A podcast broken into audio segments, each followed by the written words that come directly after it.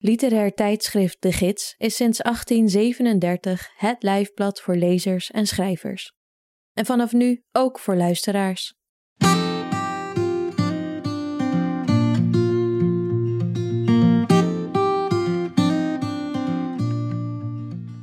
Je luistert naar Sprekende Letteren, een podcast van literair tijdschrift De Gids, met in elke aflevering een verhaal, essay of poëzie voorgelezen door de schrijver of dichter zelf.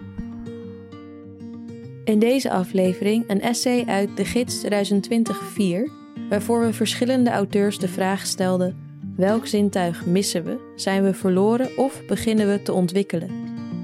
Anneke Brassinga speculeerde over de mogelijkheid van een ethisch proportioneel zijnszintuig. Luister mee naar haar essay Ontbrekend of aanbrekend. Ontbrekend of aanbrekend. Een overzicht van de stand der zaken. Horen, zien, voelen, ruiken, proeven? Present. Altijd ten naaste bij weten hoe laat het is? Present. Kuddemodus radar ontvangst? Diffuus, maar oppermachtig present. Dit zintuig huist inwendig, rondom het sacrum dichtheid en zwaartekrachtbeleving, onontkoombaar en derhalve voor het dagelijks lichaam haast onnaspeurlijk geworden, tenzij in extreme proefopstellingen, doorgaans boven, onder of buitenaards. In het niet hier dus. Het zintuigelijk aspect daarvan is non-gradueel, oftewel absoluut. Dichtheid en zwaartekracht reduceren ons tot objecten, tot onderhevigen. Dat we toch de berg op willen, ja, hoor eens, spieren trainen is nou juist ons kabouterachtig vrijheidsvertoon tegen brute natuurkrachten in. Maar misschien zal een andere bestaansvorm als, laten we zeggen, een collectief in de diepzee ons in de entourage van zo'n nieuw hier enorm verruimende ervaringen bieden. Niet gewichtloos, maar superzwaar zal het woord zweven een ongekende lading krijgen. Skeletkrimp tot keiharde microstructuurtjes is een techniek die we zonder twijfel spoedig onder de knie zullen krijgen, gezien onze kundigheid met moederborden en interne extensies. En die hersens dobberen wel achter ons aan, in een zilt gelatineuze, kwalachtige symbiose de diepzeecompressie zou be kunnen bewerkstelligen bijvoorbeeld. Dat we, net als sommige daar nu reeds onderdak gevonden hebbende schepselen, schijnsel gaan uitstralen en daarmee is dan tevens het energieprobleem grotendeels opgelost. Yes, I'm gonna be a star, John Lennon zijnsbesef. Als ideologisch of retorisch concept hangen we het aan, maar in de dagelijkse levenspraktijk krijgt het verdomd weinig kansen om zich als zintuig te ontplooien. Dat komt doordat het zijn interactie met de omwelt in een ander tijdsbestel dan dat van de maatschappelijke ritmiek volbrengt zoals, dit louter ter vergelijking, er wezens zijn die een levenscyclus doormaken in een spanne, die voor ons een krankzinnige versnelling, of juist een krankzinnige vertraging van tijd zou veronderstellen. Het zijnszintuig in bredere zin als een gestage, licht osmotische receptiviteit, voor influx van grondstoffelijk etherische aard, zoals alom waargenomen, bij de bewegende mens in de vorm van spraak en schrift, bij de rustende steen in de vorm van splijting en verwering, zoals onder andere door mens, poëet, petroloog T. van Deel omschreven. Een steen in de beek verveelt zich niet. Bij de gewortelde boom, in de vorm van groei en bloei, naar de schijn nog abundant. Het zijnzintuig, kortom, is in al deze verschijningsvormen en hun samenhang uitvoerig behandeld door William Wordsworth in zijn dichtwerk The Prelude 1805, onlangs vertaald door Jan Kuiper als prelude. Net als de overige zintuigen valt ook het zijnszintuig aanvankelijk samen met de loutere gewaarwording ervan. Exact te lokaliseren binnenin het betreffend fysisch corpus is een en ander nog niet. Verdergaande mentale exploratie zonder intrusieve participatie, blijf met je poten van onze bomen af, lijkt geboden. In een hypothetische synthese van alle zinnen met dit tot op heden alleen bij de mens als concept gesignaleerde, hoewel we het huilen naar de maan van wolven en honden misschien evenzeer als talige en dus conceptuele weerslag zouden kunnen interpreteren. In een hypothetische synthese van alle zinnen met dit zijnszintuig beschikken we als mens binnenkort over het ethisch zintuig. Dat wordt nu nog gerangschikt onder de toppers, want het ethisch zintuig heeft één onoverkomelijk schijnend bezwaar. Het is, voor zover het al is, ondeelbaar.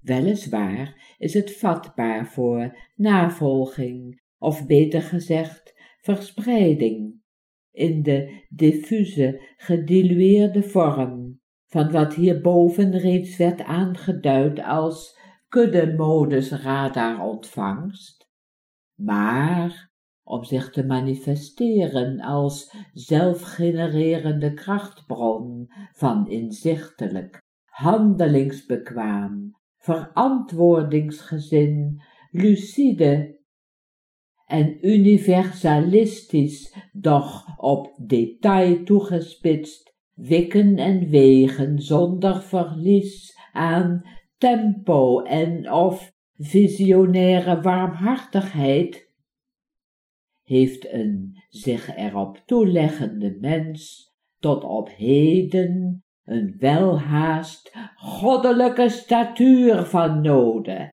en dat is nog altijd geen kattenpis. Zij die als pretendenten zich aanmatigden dit ethisch zintuig het hunne te noemen en er de wassen neus van gezag uit te kneden. Zij die met volksverlakkerij en het grofst bejag door de mand zijn gevallen.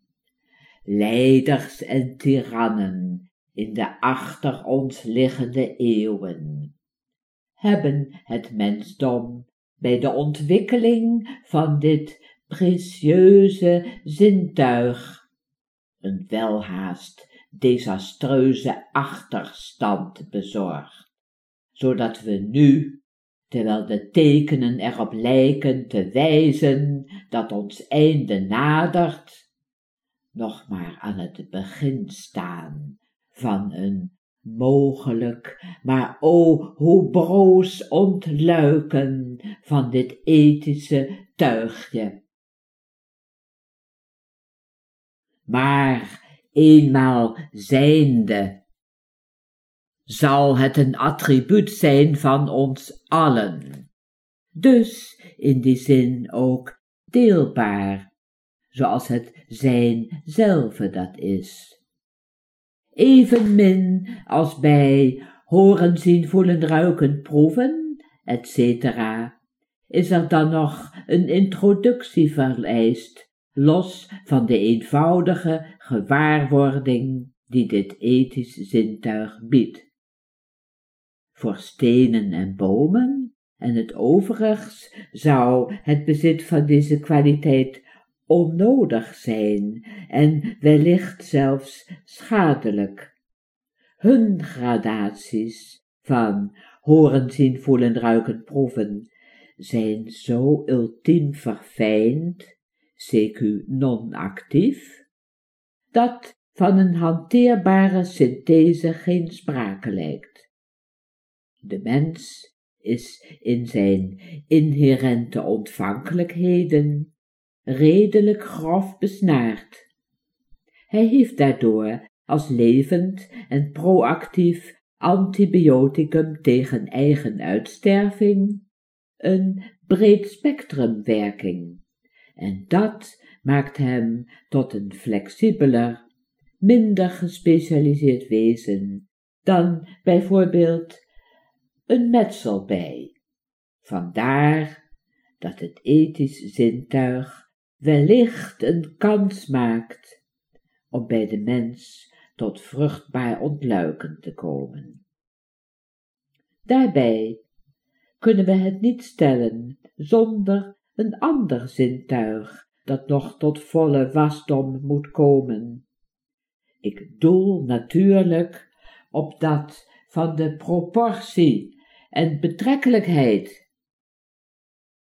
Het biedt de grondslag voor de omgang met het op zichzelf absolute, horen, zien, voelen, ruiken, proeven, etc. Proportie is de wiskunde van het waarnemen. Wij eten graag een smaaksymfonie, brood met kaas en bier.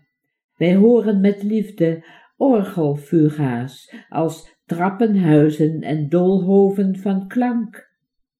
We snuiven bedwelmend subtiele parfums van zeelucht, kamperfolie, zweet en dan weer chocolade, aardbei, thee.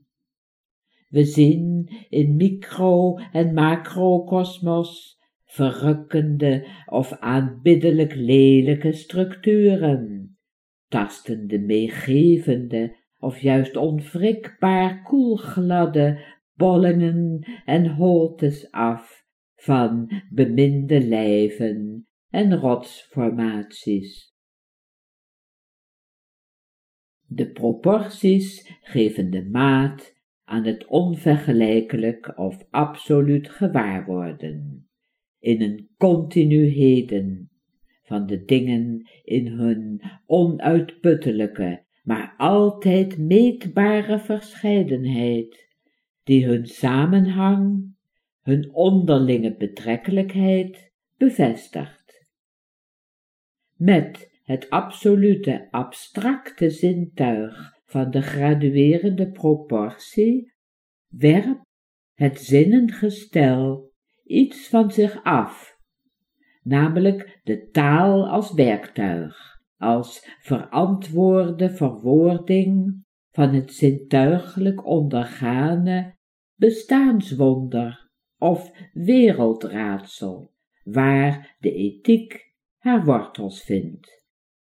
Van geloof als vormloze vorm, zonder voorschrift. Betekenis wordt teken. Er bestaat zoiets als zingenot, niet zozeer dat van de afstandelijke beschouwer, veeleer dat van het zijnde dat weet dat al het andere er evenzo zijnde is. Het ethisch proportioneel zijnszintuig, om het nu maar die naam te geven, zal ons leren het bestaan lief te hebben tot we erbij neervallen.